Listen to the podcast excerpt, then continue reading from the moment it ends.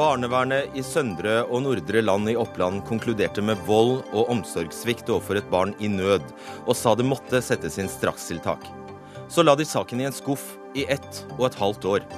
Og slike lovbrudd begår barnevernet i Søndre og Nordre Land i 89% av sakene.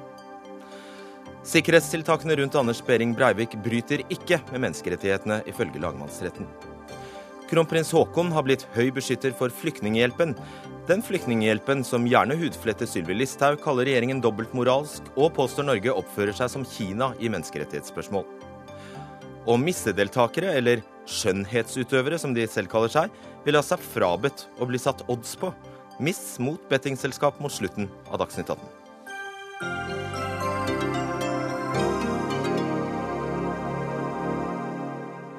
som i kveld er med meg, Fredrik Solvang. Fylkesmannen i Oppland har avdekket alvorlige avvik og svikt i barnevernstjenesten i Søndre og Nordre Land kommuner. Svikten i tjenesten har foregått helt siden 2010. Tilsynet har gjennomgått 252 saker og funnet brudd på loven i 89% av sakene. Tilsynet viser at tjenesten svikter på alle områder, fra kommunens arbeid med meldinger, undersøkelser, hjelpetiltak og oppfølging av barn. Og Fylkesmannen vurderer nå å politianmelde kommunen. Jorunn Ødegårdstuen, du er fagansvarlig for barnevern ved Fylkesmannen i Oppland. Hva er det aller, aller verste dere har funnet? Eh, det verste vi har funnet, er vel eh, tilsvarende det du sa eh, innledningsvis, om at kommunen selv har vurdert omsorgssituasjonen for barn som svært alvorlig, og så har saken blitt lagt vekk. Det er altså slik at uh, Dere fikk meldinger fra ansatte selv. Det er sånn dette foregår i barnevernstjenesten. Og så gjennomfører det, dere nå et tilsyn, eller gjennomførte tilsyn i slutten av 2016. Hvor alvorlig er disse funnene? Eh, vi tenker jo det at eh, svikten i kommunen er svært alvorlig. Og det er riktig at vi startet et tilsyn i november 2016. Og så er det også sånn at nå har vi eh, konkludert og skrevet en foreløpig rapport som snart skal stadfestet. Men vi er bare midtveis i tilsynet. Det er jo nå på en måte sånn Nå er diagnostiseringen eh, ferdig, og så skal vi på en måte bistå kommunen med å rette det opp igjen, sånn at man sikrer, sikrer barna forsvarlige tjenester. Jarle Snekkestad, du er rådmann i Nordre Land eh, kommuner. Det er mange barn som lider akkurat nå fordi du ikke gjør jobben din, rett og slett. Jo, denne rapporten eh, den eh, viser jo at vi har eh, alvorlige utfordringer i barnevernstjenesten vår. Det er slik at vi har jo kjent til de funnene som Fylkesmannen i dag presenterer, har vi jo kjent til siden slutten av november. Og vi har jo tidligere, og også etter november, satt inn tiltak for å prøve å bygge opp en forsvarlig tjeneste. Eh, vi har bemanna opp de siste halvannet året med fem til seks stillinger. Vi har økt tiltaksbudsjettene innenfor barnevernstjenesten med en 8,5 til 9 millioner de siste par årene. Men vi ser det at det har ikke vært nok, eh, og vi har eh, satt i gang et, en ytterligere styrking av tjenesten fra november. Du sier at dere har forsøkt å gjøre noe med dere. Ødegårdstuen, det også, det ble også foretatt et tilsyn i 2011, og hva fant dere da? Eh, I 2011 så ble det gjennomført tilsyn for så vidt både i Søndre Land og Nordre Land, som da hadde hver sin barnevernstjeneste. Eh, og eh, vi fant på en måte lovbrudd og svekt i begge barnevernstjenestene. Nordre Land hadde den gangen at de ikke sikret dokumentasjon for at det ble gjennomført tilstrekkelige undersøkelser, og heller ikke at de sikret at det ble foretatt tilstrekkelige evalueringer av oppfølging av barn i hjelpetiltak. Fulgte dere opp den rapporten fra 2011? Eh, det ble fulgt opp. Vi hadde et eh, møte med kommunen. Og så, eh, etter et sånt tilsyn, så skal kommunen skrive en avvikslukkeplan. Gjorde de det? Ja, det gjorde de. Og så hadde vi noen innvendinger til den første, sånn at vi fikk en ny utgave. Og så er det også sånn at vi ber kommunen om å gå gjennom og sikre at de iverksatte tiltakene har den effekten som man forventer. Og da fikk vi et brev fra eh, kommunalsjefen i kommunen om at eh, så var gjort. Eh, og dette var da i 2012. Og Hva viser det seg nå i 2016, da? Det tenker jeg på en måte har kommet frem da under tilsynet nå i 2016, så har, har ansatte i barnevernstjenesten formidlet til oss om at de da den gangen eh, pyntet på, eller de ordene de brukte var å fabrikkere saksmapper, som så tilforlatelig ut eh, til fylkesmannens tilsyn, eh, og at de ansatte ble eh, fortalt eh, og instruert i hva de skulle fortelle, fortelle oss. Det er kriminelt, det, Jarle Snekkestad? Ja, dette er helt nye opplysninger for meg. Jeg kjenner, kjenner overhodet ikke til uh, Nei, men Hva dette. syns du om det, da? Dette er uh, som sagt uh, helt nye opplysninger, og det er jo ikke akseptabelt. Hvordan kan det skje?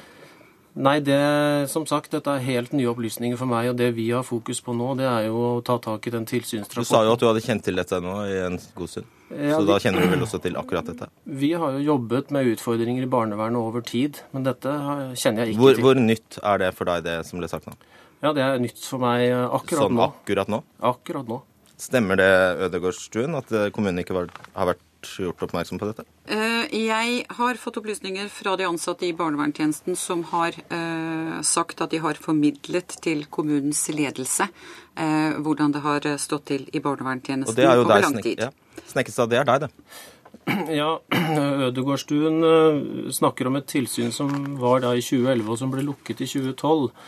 Og det avviket, de avvikene vi hadde da, ble lukket. Det som eh, Nei, vi snakker om fabrikkering av eh, saksmapper, Ja, blant og det, annet. og, det, og det kjenner jeg ikke til. eh, De påstandene okay. kjenner jeg ikke til. Det som, det som vi har sett det siste, siste halvannet året, er jo at barnevernet har hatt utfordringer. Og jeg har vært i dialog med barnevernstjenesten om det over tid. Og vi har, eh, vi har styrket bemanningen, og vi Ja, har har styrket tiltaksbudsjettet. Dette er altså også saker eh, om miste, Du har sagt det, det to ganger. Dette er saker om mistanke om vold og seksuelle overgrep mot små barn. Som altså ikke blir undersøkt engang. Hvordan forklarer du det, bortsett fra det du allerede har sagt? Nei, det er eh, selvsagt ikke akseptabelt. Vi må ha en lovlig, det, lovlig og forsvarlig barnevernstjeneste. Ja, det skal jeg vi ha. Hvordan forklarer du det? Og det, det som vi jobber med nå, er jo nettopp å ta tak i disse utfordringene for å ha en lovlig og forsvarlig tjeneste. Det Nei, er det som må være fokuset. svar på hvordan forklarer du det? Ikke hva du, ikke hva du gjør, men hvordan forklarer du det? Nei, altså, Vi har fått en foreløpig tilsynsrapport nå. og Den må vi jo gå igjennom og se på hva Fylkesmannen peker på. Og så må vi sette oss ned, jeg sammen med tjenesten, og se på disse punktene. Og, og svare på de punktene som vi mener tre, kanskje trenger et, en kommentar eller et supplerende svar. Men dette er, ikke, dette er ikke en situasjon vi er bekvemme med. Vi vil ha en forsvarlig barnevernstjeneste, og det er det vi jobber med. I en av sakene ble det altså, som jeg innledet med, konkludert med at det foregikk vold og omsorgssvikt, og at barnet levde i en alvorlig omsorgssituasjon. Og det ble da konkludert med strakstiltak. Så blir denne saken liggende i ett og et halvt år, og deretter henlagt med begrunnelse om at det ikke hadde vært kontakt på lang tid. Hvordan kan det skje? Nei, det må vi jo gå inn i og se på. For det, nå har vi fått den rapporten i dag, og da må vi se på disse punktene. Hva er det som kan være forklaringen? Er det at det har vært svikt i rutiner? Er det at det har vært eh, for liten kapasitet? Eh, Det er slike ting vi nå må vurdere. For vi er, vi er også fryktelig opptatt av at barna våre har en god tjeneste og blir fulgt opp Hvordan godt. forklarer du det da, Ødegård Sund, at slike ting som det kan skje? Eh, Vi eh, hos Fylkesmannen, eh, når vi fører tilsyn, så er, fører vi alltid tilsyn med en kommune, og det er alltid systemene i kommunen vi, vi ettergår. Sånn at jeg tenker jo at når en kommune svikter, så er det svikt i, i systemene. Men hva er det som skjer når en sak der man sier her må det strakstiltak til, blir liggende i en skuff i ett og et halvt år? Hva skjer da sånn helt konkret? Ja, nå, kan, du, kan du ta, gjenta spørsmålet? Altså, Hva skjer med saken, eller hva, hvordan, hvordan kan det forekomme? Ja, hvordan kan det forekomme? Det vet jeg ikke. Det skulle jeg egentlig likt og visst. Fordi at noen burde fanget opp dette her. Noen burde Altså det er flere enn én person som må vite sånne ting. Eh, og det skal fanges opp, og det skal tas tak i.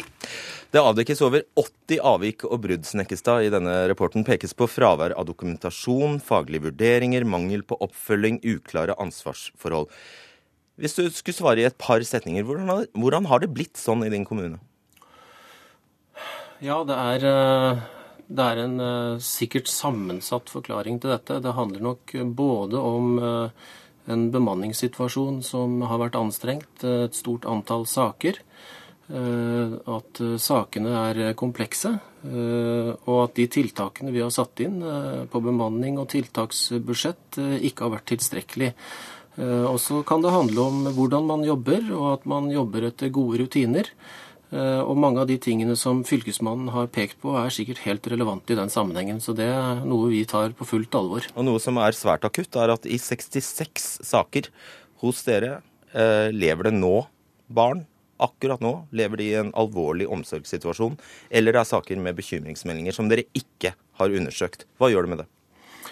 I 66 eh, sakene du refererer til, det er nok de sakene som Fylkesmannen har bedt oss å gå inn og vurdere på nytt. Og vi har svart opp til Fylkesmannen hvordan vi håndterer de sakene innenfor den fristen Fylkesmannen har sagt. Og vi håndterer de sakene med nye undersøkelser og vurderer nye tiltak eh, løpende.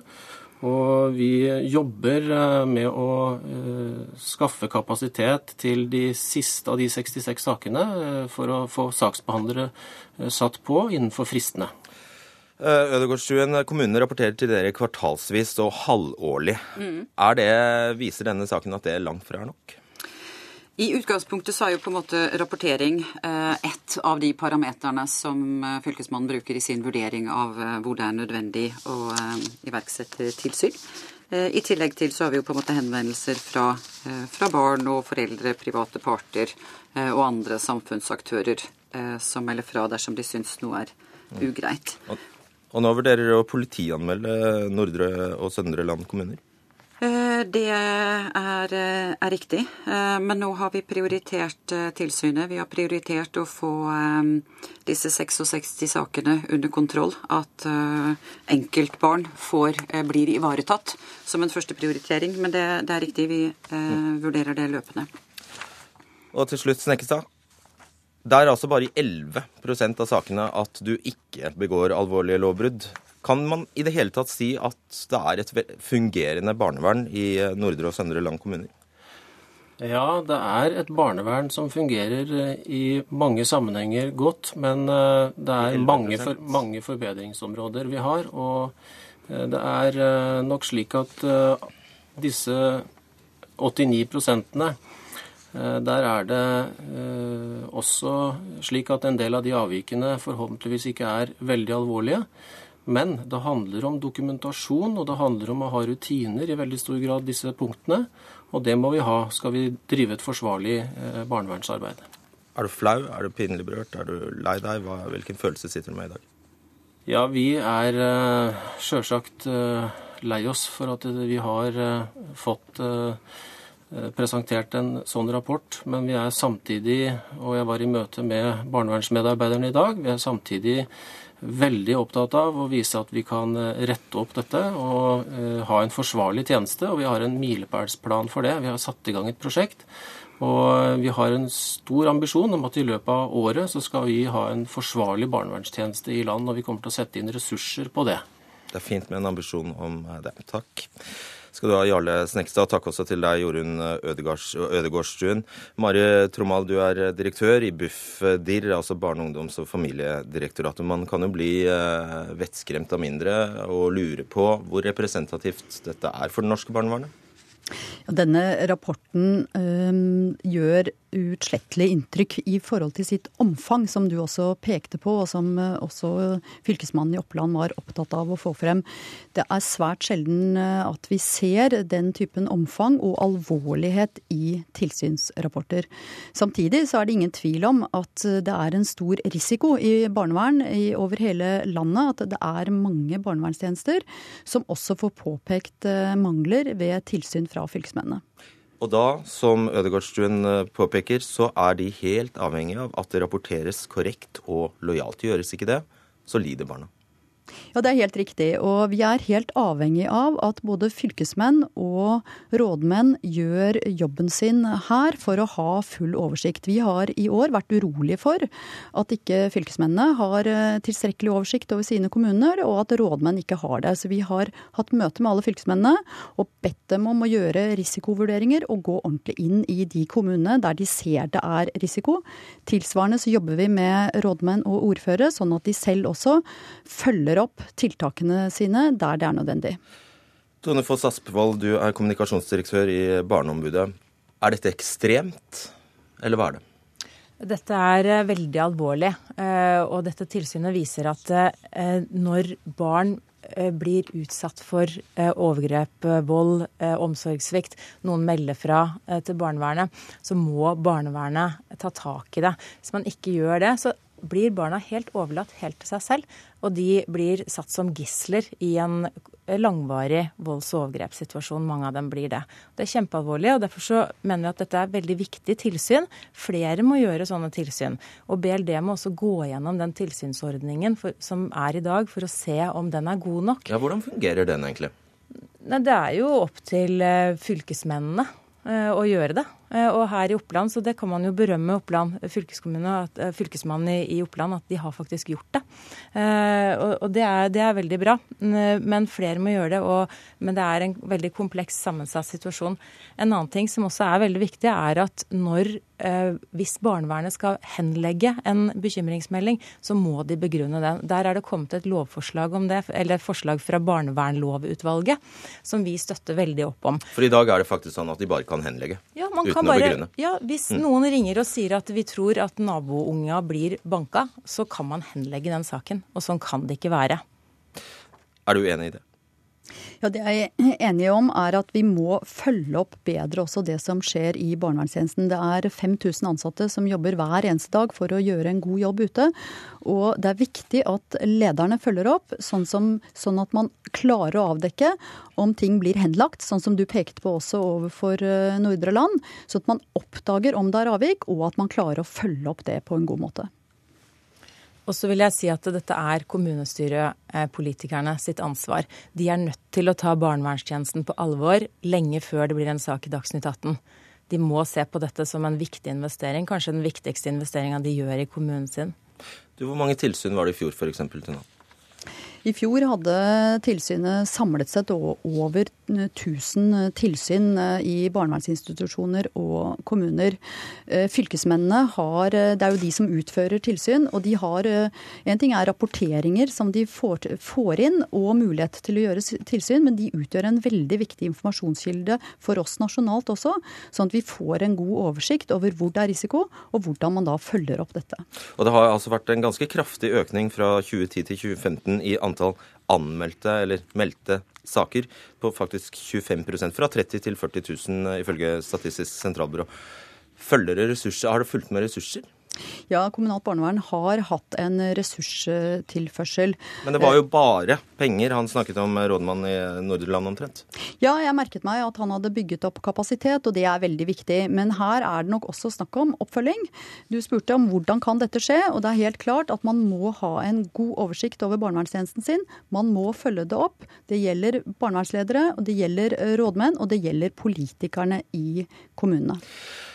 Aspevold, vi snakker om at dette er lovbrudd, og det ble jo, kom jo en, det vi kan tolke som nesten et slags uh, forsøk på bagatellisering på slutten her fra Snekkestad. Han snakket om at ikke alle disse bruddene trengte å være like alvorlige. Men bare minn oss på hva vi snakker om. Vi snakker om barneloven, som er forankret, eller som, der FNs barnekonvensjon er inkorporert FNs i norsk lov. FNs barnekonvensjon, som er barnas eh, menneskerettigheter, eh, sier at statene skal gjøre det de kan for å beskytte barn mot vold og overgrep. Og det gjør ikke vi når vi ikke har bedre barnevernstjeneste. Eh, barn, det blir meldt fra om vold og overgrep mot barn det blir ikke tatt på alvor. Det blir, saken blir henlagt, det skjer ingenting. Vold og overgrep får fortsette. Grov omsorgssvikt får fortsette. Det er eh, store omkostninger for de barna som utsettes for det. Jeg tror vi setter eh, punktum der. Takk skal dere ha. Mari Trommal og Tone Foss Aspevold. Dagsnytt 18 alle hverdager klokka 18.00 på NRK P2 og NRK2.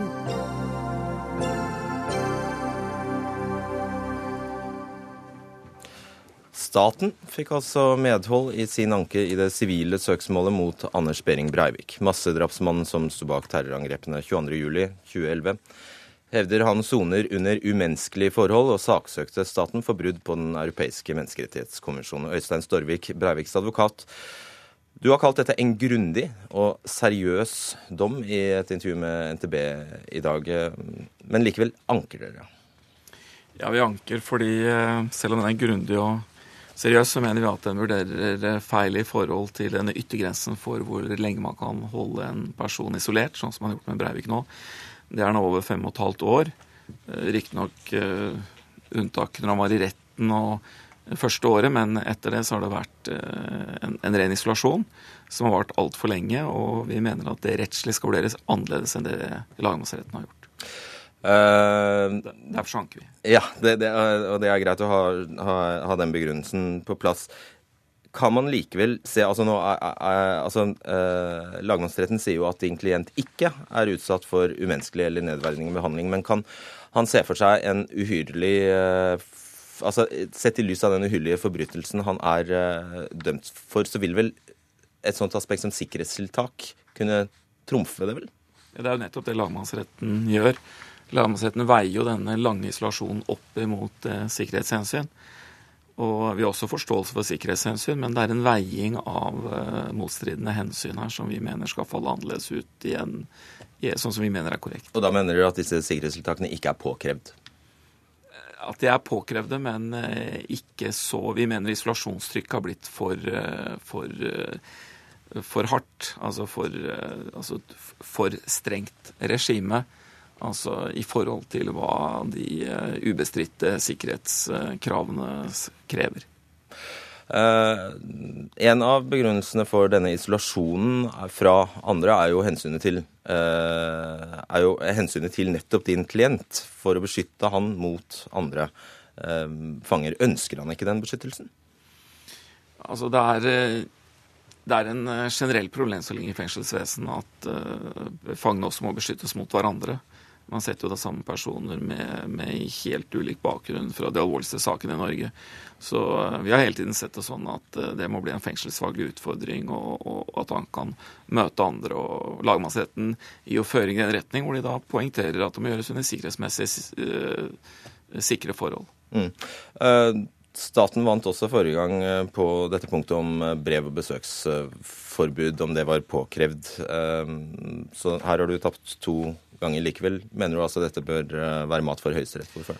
Ja, altså Det har jeg sagt at det er isolasjonsspørsmålet vi har eh, bestemt oss for å anke. Vi skal vurdere nærmere det, de andre delene av saken. Det kan være aktuelt å spisse det mer i Høyesterett inn mot isolasjonsspørsmålet. Det faktisk kan være aktuelt, det må vi vurdere nærmere. Mm. Har det kommet fram andre, har det kommet fram nye aspekter i løpet av denne rettssaken? Altså Fra tingretten til nå så har det vært en del forbedringer, faktisk. En økt eh, kontakt med betjenter Eh, noen lettelser på ting. Så, eh, så det, jo, det, kommer jo stadig inn nye aspekter. Vi, vi mener på mange måter at søkelyset gjennom rettssaken har vært, vært, nyttig i forhold til en del momenter. Fordi han har faktisk fått bedre det? Det har blitt noe bedre fra tingretten til nå. Bare pga. rettssaken? mener Altså, det er helt umulig for oss å vite. Dette styres av en administrasjon som, ikke, som, som, gjør sine egne beslutninger. Og det er umulig for oss å vite, men vi ser i hvert fall sammenfall i tid. da. Mm. Vi finner det vel mest ryddig at du ikke debatterer eh, denne saken, så vi sier foreløpig takk til deg, eh, Størvik. Og så legger vi til at regjeringsadvokat eh, Fredrik Særsted takket høflig nei til å delta i Dagsnytt 18 i kveld. Men vi har besøk av Thomas Horn, advokat og ekspert på menneskerettigheter, og Sofie Høgestøl, stipendiat ved Senter for menneskerettigheter. Begynner med deg, Horn. For omtrent ett år siden da, så fikk altså Breivik medhold på flere punkter i tingretten. Og denne gangen har staten vunnet fram med sin anke på alle punkter. Hva er egentlig forskjellen på lagmannsrettens dom og tingrettens dom? Uh, man kan si det at, uh, at begge domstoler tar det samme utgangspunktet. Nemlig at, som du var inne på i sted, med en sånn uhyrlig bakgrunn, en sånn uhyrlig forbrytelse, så kan man tillate veldig strenge sikkerhetstiltak. Der man kommer i den menneskerettslige faresonen, det er når de strenge sikkerhetstiltakene blir unødvendige. Hvis, det ikke har vært, hvis de går lenger enn det som er nødvendig, eller hvis ikke det har vært gode nok vurderinger. Mm. Eh, og på det punktet så skiller eh, tingrettsdommen seg eh, fundamentalt fra lagmannsrettsdommen. For lagmannsretten kommer til at alle disse sikkerhetstiltakene har vært nødvendig. De går ikke lenger enn det som er nødvendig, og det har vært foretatt tilstrekkelige vurderinger. Tingrettsdommen la derimot til grunn at sikkerhetsperspektivet hadde fått for stort gjennomslag. Man hadde ikke foretatt tilstrekkelige vurderinger. Og man kunne derfor ikke si at det var overbevist om at tiltakene var nødvendige. Så det er en store forskjell mellom tingrett og lagmannsrett. Uh, og hva konkret dreier det seg om? Uh, ja, det, Dette er en ganske sammensatt vurdering. så det, det, det berører hele regimet. Alt fra kroppsvisitasjoner til, til uh, muligheten for fellesskap med andre. bruk av glassvegg ved besøk som hindrer menneskelig kontakt osv. Mm. Nettopp. Sofie Høgesøl, som sagt stipendiat ved Senter for menneskerettigheter. Nå er 22. juli et nasjonalt uh, traume og en uhyrlig forbrytelse, som vi har nevnt flere ganger her. I utlandet har det jo vakt oppsikt at uh, den dømte klager på sine soningsforhold, og vi bruker uh, atskillige ressurser, og han får oppmerksomhet og alt dette her. Uh, men er det en viktig, eller er, det, er, det, er, dette en viktig, eller er det en viktig sak? Det er en kjempeviktig sak. Jeg tok eh, mastergraden min i USA det året 22.07 skjedde. Og mange av mine medstudenter syntes det var helt sprøtt at Breivik skulle få 21 år i fengsel med forvaring. Eh, men jeg syns det er en stor seier for vår rettsstat at vi, han nå får anledning, på lik linje med alle andre som er innsatt i NOx fengsel, til å saksøke staten for brudd på sine menneskerettigheter. Eh, og det er en viktig prinsippsak, for det er jo ikke slik at for det første for oss som samfunn å få innsyn i, i det regime, sikkerhetsregimet han sitter i fengsel. Men også for det andre, for det, det er jo elementer ved hans soningsforhold som uh, kan uh, brukes på andre fanger i, i, fremtiden. Og da er det jo viktig at det blir gjenstand for en grundig rettsprosess. Men ingen nåværende fanger? Eh, ikke så vidt jeg vet. Det har ikke kommet frem i tingretten eller lagmannsretten. Kan, kan dommen skape presedens for andre? Jeg tror i hvert fall det er viktig at eh, vi har et fokus og en samfunnsdebatt knyttet til soningsforhold for, eh, for, innsatte. Eh, og Vi opplevde jo det meget spesielle under tingrettssaken at fengselslederen på Ila selv gikk ut og, og gikk ganske hardt ut mot de soningsforholdene man kunne tilby andre innsatte på Ila. Så Sånn sett så kan fokus på denne saken få betydning for andre. Når det gjelder rent den strikte juridiske vurderingen, så tror jeg det at, at man må si at at eh, denne saken er så vidt spesiell, eh, og momentene i saken er så spesielle at det er vanskelig å få noen stor overføringsverdi til andre saker. Betyr det også at en del av tiltakene, sikkerhetstiltakene rundt Breivik eh, knapt aldri har vært brukt før, i hvert fall ikke sett i, i sammenheng? Det er veldig få som har sittet på dette instituttet særlig høysikret. Et titalls personer over de siste årene. Og ingen som har sittet i nærheten av så lenge som han. Så du kan si at sikkerhetstiltakene er eksepsjonelle. Mm. Så har jo Breivik sagt at nettopp uh, isoleringsregimet har eh, bidratt til å ytterligere radikalisere ham. Har det på noen måte telt med i vurderingen av hvor hvorvidt han utgjør en fare? Du ser at retten tar det med seg i sin drøftelse av det momentet, men de eh, støtter seg ikke på hans forklaring om at det bidrar til å radikalisere hans ytterligere. Hva sier de da? De, heller, de, legger heller eh, til grunn at de ikke kan se noe eh, skade så langt, isolasjonsskade så langt. Så hva er det da som hva, hva, Ja, nettopp. OK, det er greit. Um, så, som vi nevnte, så er noen av soningsforholdene endret underveis altså etter tingretten og før, før lagmannsrettens eh, dom her. Eh, hva kan ha skjedd? Fengselsvesenet vil hele tiden ha en plikt til å måtte vurdere soningsregimet opp mot menneskerettighetene. Og et viktig poeng for, eh, for tingretten var vel det at man ikke hadde foretatt de vurderingene godt nok etter saken eh, i tingretten så, så, hadde man en klar oppfordring om å vurdere dette grundigere. Ehm, og nå ser vi også i lagmannsrettsdommen at eh, heller ikke lagmannsrettsdommen er uten kritikk mot vurderingene. Man tar f.eks. opp med at man forutsetter at man nå vurderer å gi Breivik tilgang til fellesskap med andre innsatte, som er jo et veldig sentralt punkt i saken. At man vurderer om det kan være mulig å finne ordninger i det videre, tiden fremover, eh, der han på en eller annen måte under et akseptabelt sikkerhetsregime får treffe eh, innsatte på andre avdelinger utenfor sikkerhetsavdelingen. Og Det er jo et, en, en stor forskjell fra de, de vurderingene som kriminalomsorgen har foretatt tidligere. Ja, og Man drøfter dette, men så faller man ned på at det likevel er tilbørlig. Ja, og det, det, det, viser også en viktig forskjell mellom eh, lagmannsrettens eh, dom og tingrettens dom, nemlig at der tingretten pekte på kritikkverdige forhold og sa at de var så kritikkverdige at det var et menneskerettsbrudd, så sier lagmannsretten at eh, det er kritikkverdig, men det er ikke et menneskerettsbrudd. Mm. Mm. Og de er også avdempet i sin kritikk. Hva skjer nå, da? Altså Høyesterett, altså Med så to, to så grundige dommer, hva har Høyesterett å gjøre?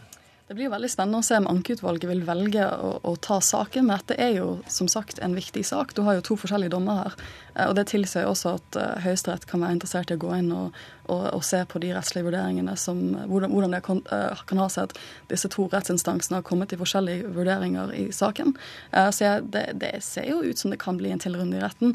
Og dere har jo varslet om at dere vil ta det helt til EMD hvis mulig. Så det kan jo være at det blir en, en runde i Strasbourg også. Ja, Avslutningsvis uh, om det. No, uh, menneskerettighetskonvensjonen er jo inkorporert i norsk lov, men her er det faktisk en direkte uh, du, Altså, hjemmelen er altså EMK. Hvorfor det? Saken har vært lagt opp som en eh, prøving med sikte på prøving i EMD hvis man ikke når fram i uh, norske domstol. Som er Den europeiske menneskerettighetsdomstol. Ja, domstol. Så det er saken lagt opp til. Så det er, eh, men da må man gå gjennom de, det norske rettsapparatet først. Og det er den prosessen vi er i nå. Saken har hele tiden vært med sikte mot å bli vurdert utenfra fra EMD hvis vi ikke fikk medhold her. Men det fordrer selvfølgelig at du må innom Høyesterett? Det fordrer det. Ja. Hjertelig takk skal dere ha. Øystein Storvik, Sofie Høgestøl og Thomas Horn.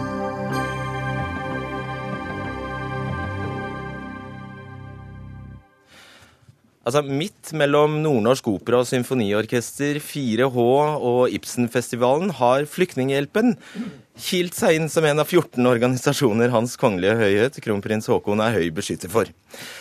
Men hører Flyktninghjelpen hjemme i dette selskapet, som også inkluderer skoleskipet Christian Radich? Eh, er Flyktninghjelpen en ikke-kontroversiell organisasjon, som da altså er et eh, kriterium for å få kongelig beskyttelse? Harald Stanghelle, redaktør i Aftenposten. Er dette greit for en norsk eh, tronarving? Ja, Nå høres det alltid litt smålig ut å kritisere den type beskytterskap, spesielt overfor en så glimrende og idealistisk organisasjon som Flyktninghjelpen. Ja, det er jo veldig nøye utvalgte organisasjoner. da. Håkon har f.eks. bare 14 av dem. Ja, samtidig så skil Flyktninghjelpen seg ut mellom de 14 fordi at eh, det er ni kulturfestivaler og kulturarrangement. Det er to som går på opplæring. Det er to som hjelper syke i Norge. og så er det Flyktninghjelpen, som er en hjelpeorganisasjon, men som også er en veldig viktig premissleverandør til debatten om norsk flyktningpolitikk. Og under generalsekretærer som både Raymond Johansen eh, og Jan Egeland har de hatt en svært høy profil i den flyktningepolitiske debatten. Og det er dette eh, som jeg mener betyr at eh, kronprinsen med sitt beskytterskap går inn i ei politisk gråsone der han som kronprins ikke bør være. Han burde ikke vært der, han burde ha takket nei. Eh, til dette, ja, og i dette ligger det selvsagt ingen desavouering av Flyktninghjelpa, men det går på en freisner på å mm. diskutere prinsippet hva en kronprins eh, kan være med på. Harriet Rødd, leder for samfunnsavdelingen i Flyktninghjelpen. Dere skrev et brev, og det var ikke stillet til kronprinsen selv, men til Slottet og til kongefamilien. Så for dere det, spilte ikke så stor rolle hvem av dem som takket ja. Men dere fikk napp hos han. Hva betyr det? For oss så er vi svært glade for at eh, kronprinsen har eh, takket ja til å være høy beskytter for. Eh, selvfølgelig. Mm -hmm. og det det betyr for oss, er jo at han gir oss en anerkjennelse for det store internasjonale arbeidet som vi gjør. Og ikke minst at det er en viktig anerkjennelse av de over 5000 medarbeiderne som vi har ute i noen av verdens verste krigs- og konfliktområder hver eneste dag. Hva skal han gjøre for noe? Altså, det, vi, vi, har på en måte fått det vi eh, har ønsket, vi av kronprinsen i dag. Han har sagt ja til å være høy beskytter for oss, og dermed være med på å sette fokus på flyktningesaken. Promotere Flyktninghjelpen. Ikke Flyktninghjelpen nødvendigvis, men flyktningesaken. Det er jo ingen andre NGO-er av deres slag på denne lista? Som Stanghelle påpeker? Nei, altså, Det jeg kan si er at Grunnen til at vi søkte eh, kongehuset, er jo at vi i dag står overfor den største flyktningkrisa siden andre verdenskrig. Over 65 millioner mennesker på flukt. Store humanitære behov som er udekket. Det er helt opplagt at dette er et viktig spørsmål eh, å engasjere seg i. Og så er det sånn at eh, Kongefamilien har et langt engasjement for flyktningesaken. Eh, kongen har selv vært på flukt. Eh, og han sitter jo da med erfaringer som er like de erfaringene som de menneskene vi ønsker å hjelpe hver eneste dag. Dette er vel ja. greit, Stanghelle. Flyktninghjelpen er, ikke, er uselviske, taler egentlig på vegne av alle flyktninger, bare, i ja. verden. Det gjør de også, men de har også en annen rolle. Og det er å være en skarp kritiker av internasjonal flykt politikk. Eh, generalsekretæren har vært knallhard i sin kritikk av den nye amerikanske presidenten. Han har vært sterk og klar i sin kritikk av norsk flyktningepolitikk. Eh, og da er vi inne på et annet felt enn det rent humanitære. Da er vi inne på det feltet hvordan en beskriver virkeligheten, og hvordan en angriper virkeligheten politisk. Mm, ikke bare det, Rødd. For uh, altså, lista er lang over kontroversielle, skarpe, eh, spisse ut politiske utspill fra dere der dere eh, går i rette med politikerne. Et eksempel er at eh, dere i januar rykket ut og beskyldte regjeringen for dobbeltmoral. Eh, som Stangel sier, så kalte dere Trumps innreiseforbud for et skammelig veiskille i USAs historie og et slag i ansiktet på amerikanske verdier. Så skrev dere brev i oktober sammen med sju andre organisasjoner til regjeringen og ba om at vi skulle ta imot 2000 ekstra flyktninger fra Italia og Hellas. Så eh, da eh, svarte Sylvi Listhaug at dere, organisasjonen, Flyktninghjelpen, var i utakt med det norske folk. Ser du ikke hvilken vanskelig skvis du kan sette kronprinsen i. Han skal ikke være politisk. Nei, eh, og vi eh, forventer jo heller ikke på noen måte det. Et slikt beskytterskap innebærer jo på ingen måte noen forpliktelse fra kronprinsen til å være enig i det Flyktninghjelpen sier og mener. Altså, våre Så hvor går grensen? da? Skal han være enig i det dere er, det, eller det dere står for, eller det dere mener?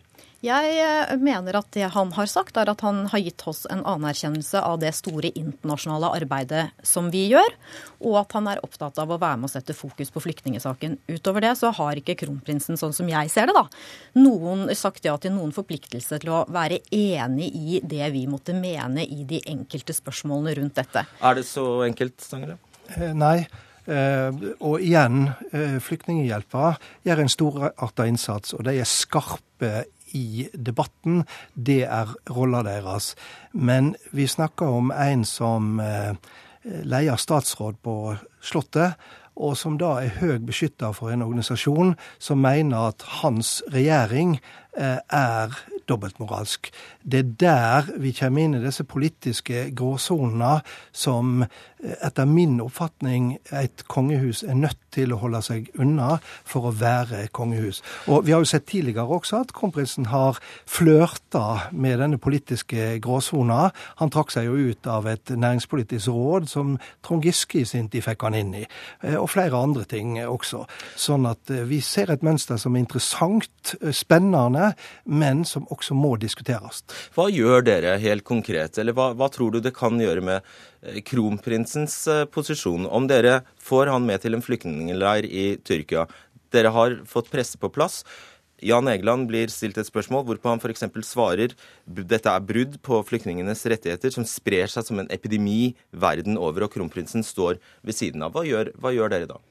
Altså, Våre standpunkter baserer seg jo på internasjonal flyktningerett og på våre erfaringer fra felt. Og vi uttaler oss jo altså, rundt sånne spørsmål uh, ut fra de løsningene som vi tror at vil tjene flyktningene. Og det uh, vil jo vi svare på. Og så tenker jeg at det kronprinsen står jo fritt til å svare på det slik han ønsker. Og han er ikke på noen måte forpliktet til å mene det samme som oss. Det jeg tenker at er hovedfokus her, er jo å sette fokus på det å hjelpe flyktninger. Og det er det jeg oppfatter at kronprinsen har ønsket å gjøre med det beskytterskapet sitt.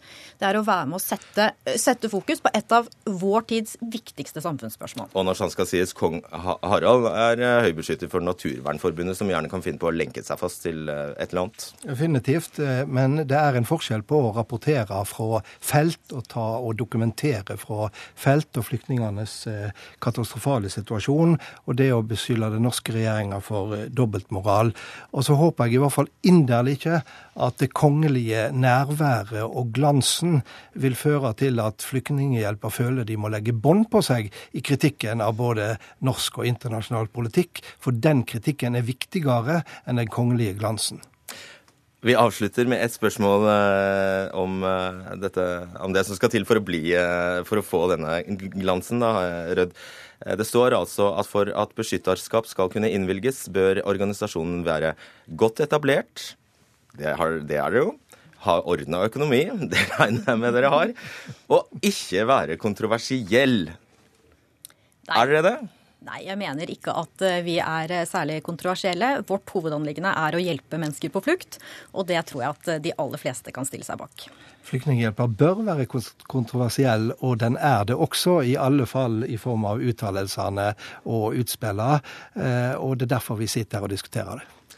Hjertelig takk skal dere ha, Harald Stangel og Harriet Rødd.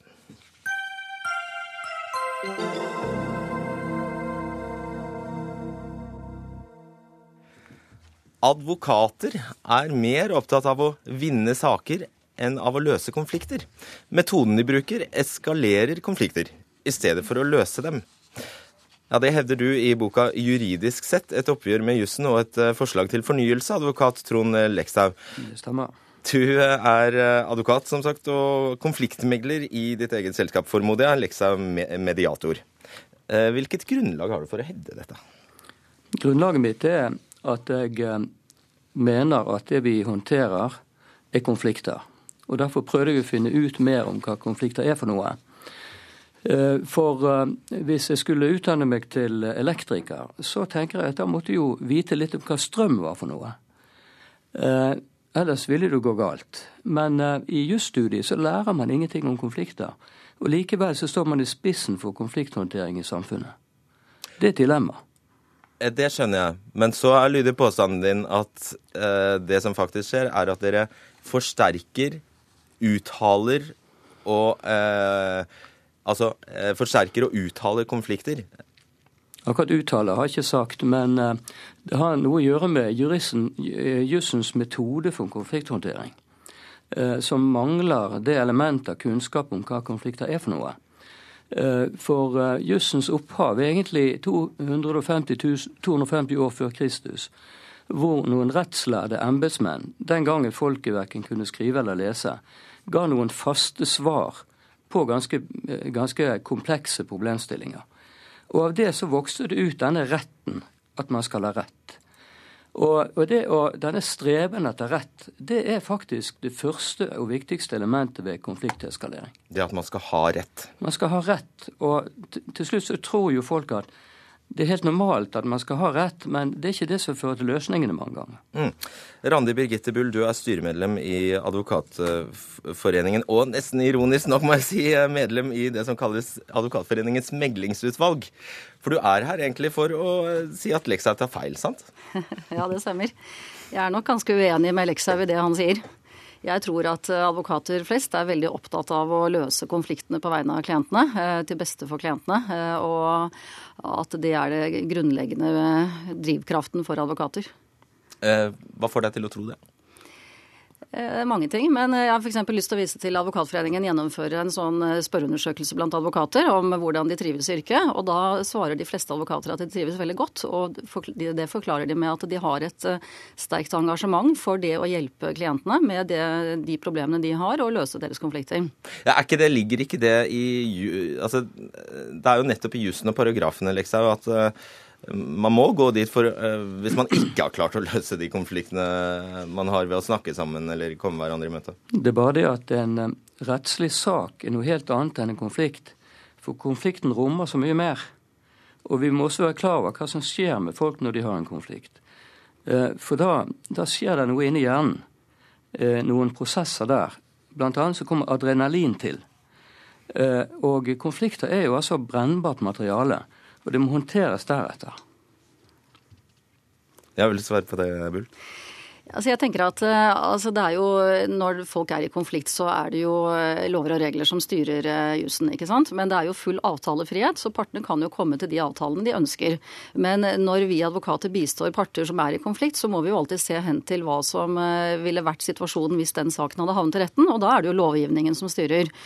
Slik at, at man må jo alltid se hen til hvordan jussen ville se på denne situasjonen, og ikke løsrevet fra det. Og så tenker jeg at at i Norge så har vi grunnleggende gode regler, altså god lovgivning. Og mye av den lovgivningen er jo nettopp for å ivareta, eller altså løse konflikter, men også ivareta kanskje særlig den svake parten i en konflikt. Så hvis man ser helt bort fra lovgivningen, så vil jo kanskje resultatet kunne bli helt annerledes enn det man eh, ville vært hvis man brukte jussen. Men her mener du at penger spiller en rolle, Leksa. For du, eh, du sier altså at penger og salærer er drivende når eh, advokatene rådgir sine klienter? Det er klart de er det. Fordi at, eh, som sagt, når du kommer i en konflikt, så begynner du å søke støtte. Det du egentlig trenger, var råd, men du søker støtte. Og den får du, for da får du folk rundt deg, og til, også advokatene, til å si du har rett. Stakkars deg, du har rett. Og dermed så vokser denne noenlunde felles virkeligheten som var i starten mellom to mennesker eller to parter, den vokser i en V-form. Og i den dynamikken så oppstår det også mange misforståelser. Og de, de eter på seg underveis. Og denne prosessen, denne dynamikken, den gjør at det er stadig vanskeligere å håndtere konflikten. Du er stadig lengre fra målet. Dette høres så logisk ut. Jo da, for så vidt. Men, eh, men, jeg tror at vi må ikke undervurdere advokatene. Altså, det å være en god advokat er jo også å se eh, de svake sidene ved den saken som man, eh, klienten man representerer. Og hvis man bare gir klientene råd om at her har du en kjempegod sak, og vi kjører på, og så viser det seg at man da ikke har informert om at man har svake sider, så vil jo det kunne være veldig uheldig, selvfølgelig. Men, men, men det, jeg tror ikke ja. det er vanlig blant advokater. Nei, det Lexa peker, peker på, er jo at uh, advokater bare er uh, mennesker som alle oss andre og vil tjene penger. Og uh, hvis man ser på, ser på, tallene, da, så har det jo blitt altså 30 de siste 30, 30, årene en tredobling i antallet advokater. Da blir det mange, mange om beinet. Så kan det ikke være noe i bare det at Altså, advokatene må ut der. Ja, det vil jeg gjerne si noe om. For det er mange grunner til Det er helt riktig at det har blitt mange flere advokater i, Norge, og det gjelder i hele verden. Men det er mange grunner til det. Det ene er jo at vi er flere mennesker. Det andre er at eh, både faktum og jussen er blitt mye mer komplisert. Altså Hele samfunnet er, eh, har vært gjenstand for en, en, en lovregulering. Eh, en voldsom utvikling i forhold til tidligere. Og ting er mye mer komplisert. Slik at alt dette skaper jo utfordringer som gjør at folk har behov for juridisk bistand. Så det er jo ikke advokatene som har blitt flere fordi man ønsker å tjene penger på det. Samfunnet har blitt mer avansert, og det, er, det er, jo umulig å, det er jo umulig å benekte, liksom. Kan jeg bare kommentere på det? Ja, ja. Når jeg jobber dialogisk med folk, som jeg har gjort de siste 12-14 årene, så har jeg altså 30 000 paragrafer i lovsamlingen min. Og når jeg jobber dialogisk, har jeg ikke bruk for nesten noen av de. Og med dialogisk Jeg tror jeg skjønner det, men bare si, si hva, det, hva, du legger altså, i det. Min modell for, uh, kaller jeg for konstruktiv konflikthåndtering i denne boken.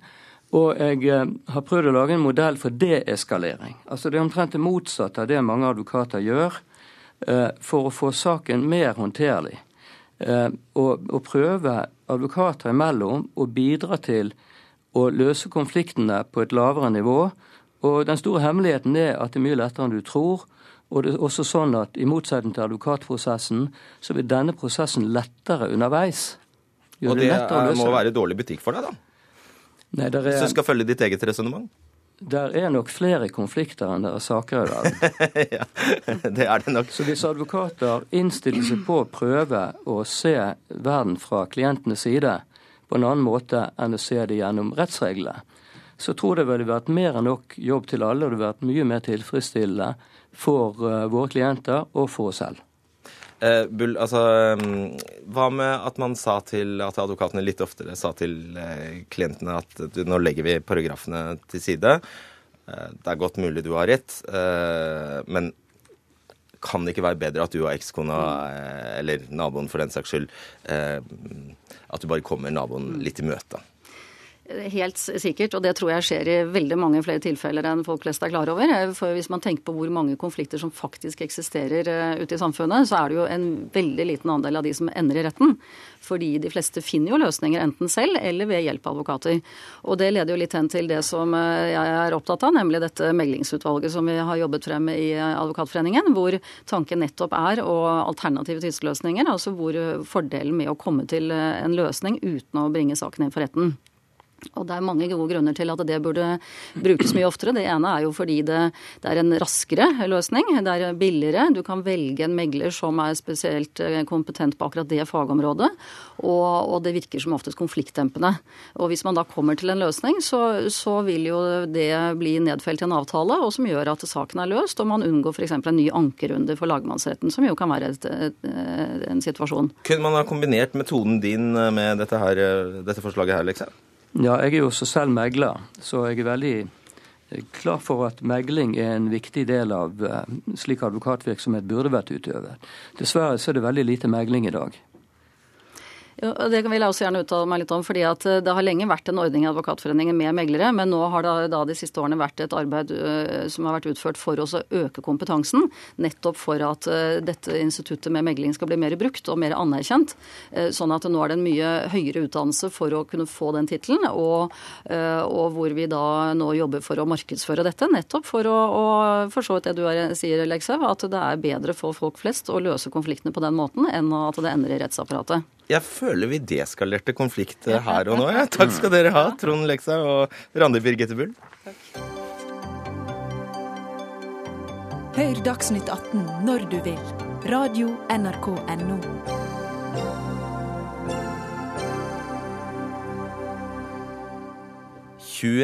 juli i år skal årets Miss eh, Norway kåres, og allerede nå er kampen om oppmerksomheten i gang. Men skjønnhetsutøverne, som eh, er det man kaller deltakerne i Miss Norway, er sinte på et spillselskap som tilbyr oddspill på hvem som vinner konkurransen. Og en av de 19 deltakerne uttalte i VG i dag at hun syns det er drøyt og nedverdigende at spillselskapet Coolbet setter odds på dem. Um, en annen av de 19 sitter her i studio, er deg, Nicole Elisabeth Stia. Du er altså skjønnhetsutøver. Hvorfor er det, dette problematisk? Det blei jo først og fremst problematisk. Eh, ikke bare det når de valgte å sette odds på hvem som kom til å vinne, men når de valgte å ta steget videre til å eh, sette odds på hvem som eh, noen av deltakerne eller utøverne kom til å ende opp med å gifte seg med, og da spesielt noen av de som hadde valgt å henvende seg til selskapet, da. Så... Men hvorfor er dette så annerledes enn å sette odds på en tenniskamp eller whatever? Det er jo Vi føler det at det, eh, setter oss eh, Eller setter hele Miss Norway, eh, Miss Universe-konseptet, i feil lys. Det er så mye mer som ligger bak hele konkurransen og alt det som vi gjør. Det er jo det å skaffe sponsorer, veldedighet. Og det føler vi da at de, bl.a. spillselskapet og de som velger å sette penger på det, da ikke ser. Mm. Ja. Jan Svendsen, du er eier og gründer av Coolbet. Stemmer. Og så har du jobbet 30 år i denne spillbransjen. Har tjent gode penger, kan man si, på bl.a. NordicBet. Uh, ja, Du skal slippe å kommentere det hvis du ikke vil, men du, kan du skjønne at eh, deltakerne i Miss Norway reagerer? Uh, egentlig ikke. Altså, som du sa, har vært 30 år i bransjen. Uh, har jo satt odds på skal jeg tippe, flere hundre tusen forskjellige utøvere i forskjellige sporter og forskjellige når det gjelder politikk, missekonkurranser. Alt som det går an å sette odds på. Og det er første gang i min karriere at jeg har fått den tilbake, at vi vil ikke være satt odds på. Det er eh, noe helt nytt for meg. Ja, ja. Tvert imot så har jeg møtt uh, mange mange idrettsutøvere som jeg har satt odds på, sånn, som har sagt til meg at det er veldig veldig morsomt å se oddsen på seg sjøl. Og bare forklar litt mer hva, hva, forskjellen på deg da, og en idrettsutøver vil være. Jeg føler jo det at eh, jeg driver med mye mer enn kun en sport. Det er eh, Jeg driver med veldedighet, jeg prøver å skaffe sponsorer, og jeg prøver å være et godt forbilde og en god rollemodell for eh, de unge som bl.a. da ser opp til meg. Selvfølgelig ser jeg jo likheter med en idrettsutøver som f.eks. en tennisspiller også, men det er jo jeg føler ikke det strekker til på samme måte å sammenligne oss Selv om begge to kan være utøvere. Kan du ikke se at hvis du oppfordrer folk til å uh, sette penger på hvem som tar seg best ut i bikini, så eh, marginaliserer du egentlig, eller du, du, eh, du Det er litt smakløst? Ja, da kan man heller si at det er smakløst å stille opp i en konkurranse hvor man skal vise seg fram i bikini, da. Altså vi, vi har jo Nei, for der er det ett av flere elementer. Ja, men vi setter jo odds på hvem som vinner politiske valg. Vi hadde kjempestor omsetning på valget nå i USA. Får sikkert stor omsetning på valget, kommunevalget i Norge til høsten. Og masse andre forskjellige ting som foregår i samfunnet. Og selvfølgelig alt som er av idrett og sånn. og eh, du kan si at eh, Jeg, jeg snakka med en engelsk kollega av meg som har vært bookmaker i 35 år. Det er altså de som driver med odds og sånn. Og, har, og England setter de odds på absolutt alt. Fra minste ting til det aller største. Og han hadde aldri hørt om noen som har klagd for at det har blitt satt odds på dem. Så ja. det, det, er, det, er, noe nytt, faktisk. Men en gang eh, skal man være den første for eh, alt, vet du. Altså, eh, kommer du til å foreta deg, eller kommer dere til å få Kan kanskje ikke få foretatt dere noe med dette? Jeg vet ikke hvor langt vi kommer med det, men det er jo viktig å ha en mening om det og si noe om det. Det er jo bl.a. flere, opptil flere deltakerne som er under 18, og det føler vi også blir veldig feil, i og med at du må være over 18 for å, komme, for å benytte deg av en sånn type spilleside. Men er, er det noen deltakere under 18? Jeg trodde reglene var at du måtte være minst 18 det året konkurransen ble holdt. Det er noen som er under 18 på eh, nåværende tidspunkt. Det er det. Eh, og da, når du ikke engang er myndig og kan benytte deg av denne siden, så blir det jo feil å ha et navn på denne siden hvor du må være over 18. Og det å Ja. Ser du det poenget? Ja, delvis. Uh, vi har jo egentlig en policy i selskapet vårt og de fleste uh, selskaper som driver ordentlig, at vi ikke setter odds på barneidrett og sånn. Men der finnes det også unntak, da. Vi har jo f.eks. odds på VM-finaler og OL-finaler i turn for damer. Da er det veldig ofte utøvere som er 15-16 år. Og, og Martin Ødegaard har du vel satt odds på? Det har vi også gjort, ja. Uh, på fotballaget er det jo ofte 16-17-åringer som spiller på. så... Det er, det er, vanskelig, men vi setter ikke odds på, på småguttelaget i Norway Cup. For å si. Nei, det var betryggende. Du, Stia, noe av det dere får poeng for i konkurransen, er faktisk medieoppslag. Ja. Eh, nå har du fått en stor sak, eh, eller det har vært én stor sak i VG. Mm. Får du poeng for å være her i Dagsnytt 18? Ja, jeg regner jo med å gjøre det. det er jo, jeg stiller jo opp eh, på noe som kommer i pressen. Eh, så jeg får jo så klart poeng for det her, men det er jo noe Jeg kommer jo for å si det jeg personlig mener. Så vi blir ikke brukt nå? Nei, dere blir jo ikke brukt. Jeg har jo blitt spurt om å stille opp her, og det gjør jeg veldig gjerne. altså um hva med å spørre disse jentene om det er eh, greit? De har jo ikke akkurat stilt opp. Eh, altså, De har bare meldt seg på Miss eh, Norway, og du har jo ikke tenkt å betale dem noe for å sette odds på dem? Nei, det har jeg kanskje ikke. Men vi tok et lite, jeg tok et lite eksperiment før i dag og regna ut hvor mange personer vi kommer til å sette odds på i ulike sammenhenger i løpet av året. Og det dreier seg mellom 200 og 300 000 personer. Det er, Kanskje for å utvide, utvide virksomheten litt, da? Da måtte vi hatt en del folk som ringte rundt og spurte om lov, ja. Så nå var det jo f.eks. ski-VM i dag. Det var Niskanen som vant 15 km. Eh, hvor mange bookmakere har ringt han og spurt om de kan få sette odds på han. Det var noen hundre bookmakere som, som, har odds på ski-VM. Så det er, det er, en vanskelig materie, for å si det sånn. Og Kan du ikke like gjerne snu på det og se på det som et kompliment? Så klart, man kan jo se på det på den måten òg, men uh, Allikevel, jeg føler ikke at det er det jeg vil at mitt navn skal knyttes til. Eh, jeg er ikke en frontfigur for et eh, spillselskap, og vi er jo som sagt eh, rollemodeller som alltid er fronter i sosiale medier. Det å fronte et spillselskap og være reklame for betting er ikke noe jeg har lyst til å gjøre. For det er jo et kjent problem at det er mange spillavhengige i Norden. Og menn, yngre og personer med spillproblemer er jo tiltrukket av spillreklame, da. Ja. Eh, du skal få svare i fem sekunder på det. Vær så god. Nå må jeg hjem og forandre odds på henne. Nå har hun gjort et veldig godt inntrykk her, og er sikkert mye større favoritt og må ha mye lavere odds. Ikke sant. Tusen takk skal dere ha, Nicole Elisabeth Stia og Jan eh, Svendsen. Vi skal bare minne om at eh, kollegene våre i NRK Ytring holder folkemøte på Parkteatret i Oslo i kveld. Og hvis du har anledning til å gå dit, kan du eller hvis du ikke har anledning til å gå dit, kan du følge det her på denne kanalen, NRK P2 eller NRK2 klokka 19.45. Fredrik Lauritzen, Eli Kyrkjebø og Fredrik Solvang takker for seg.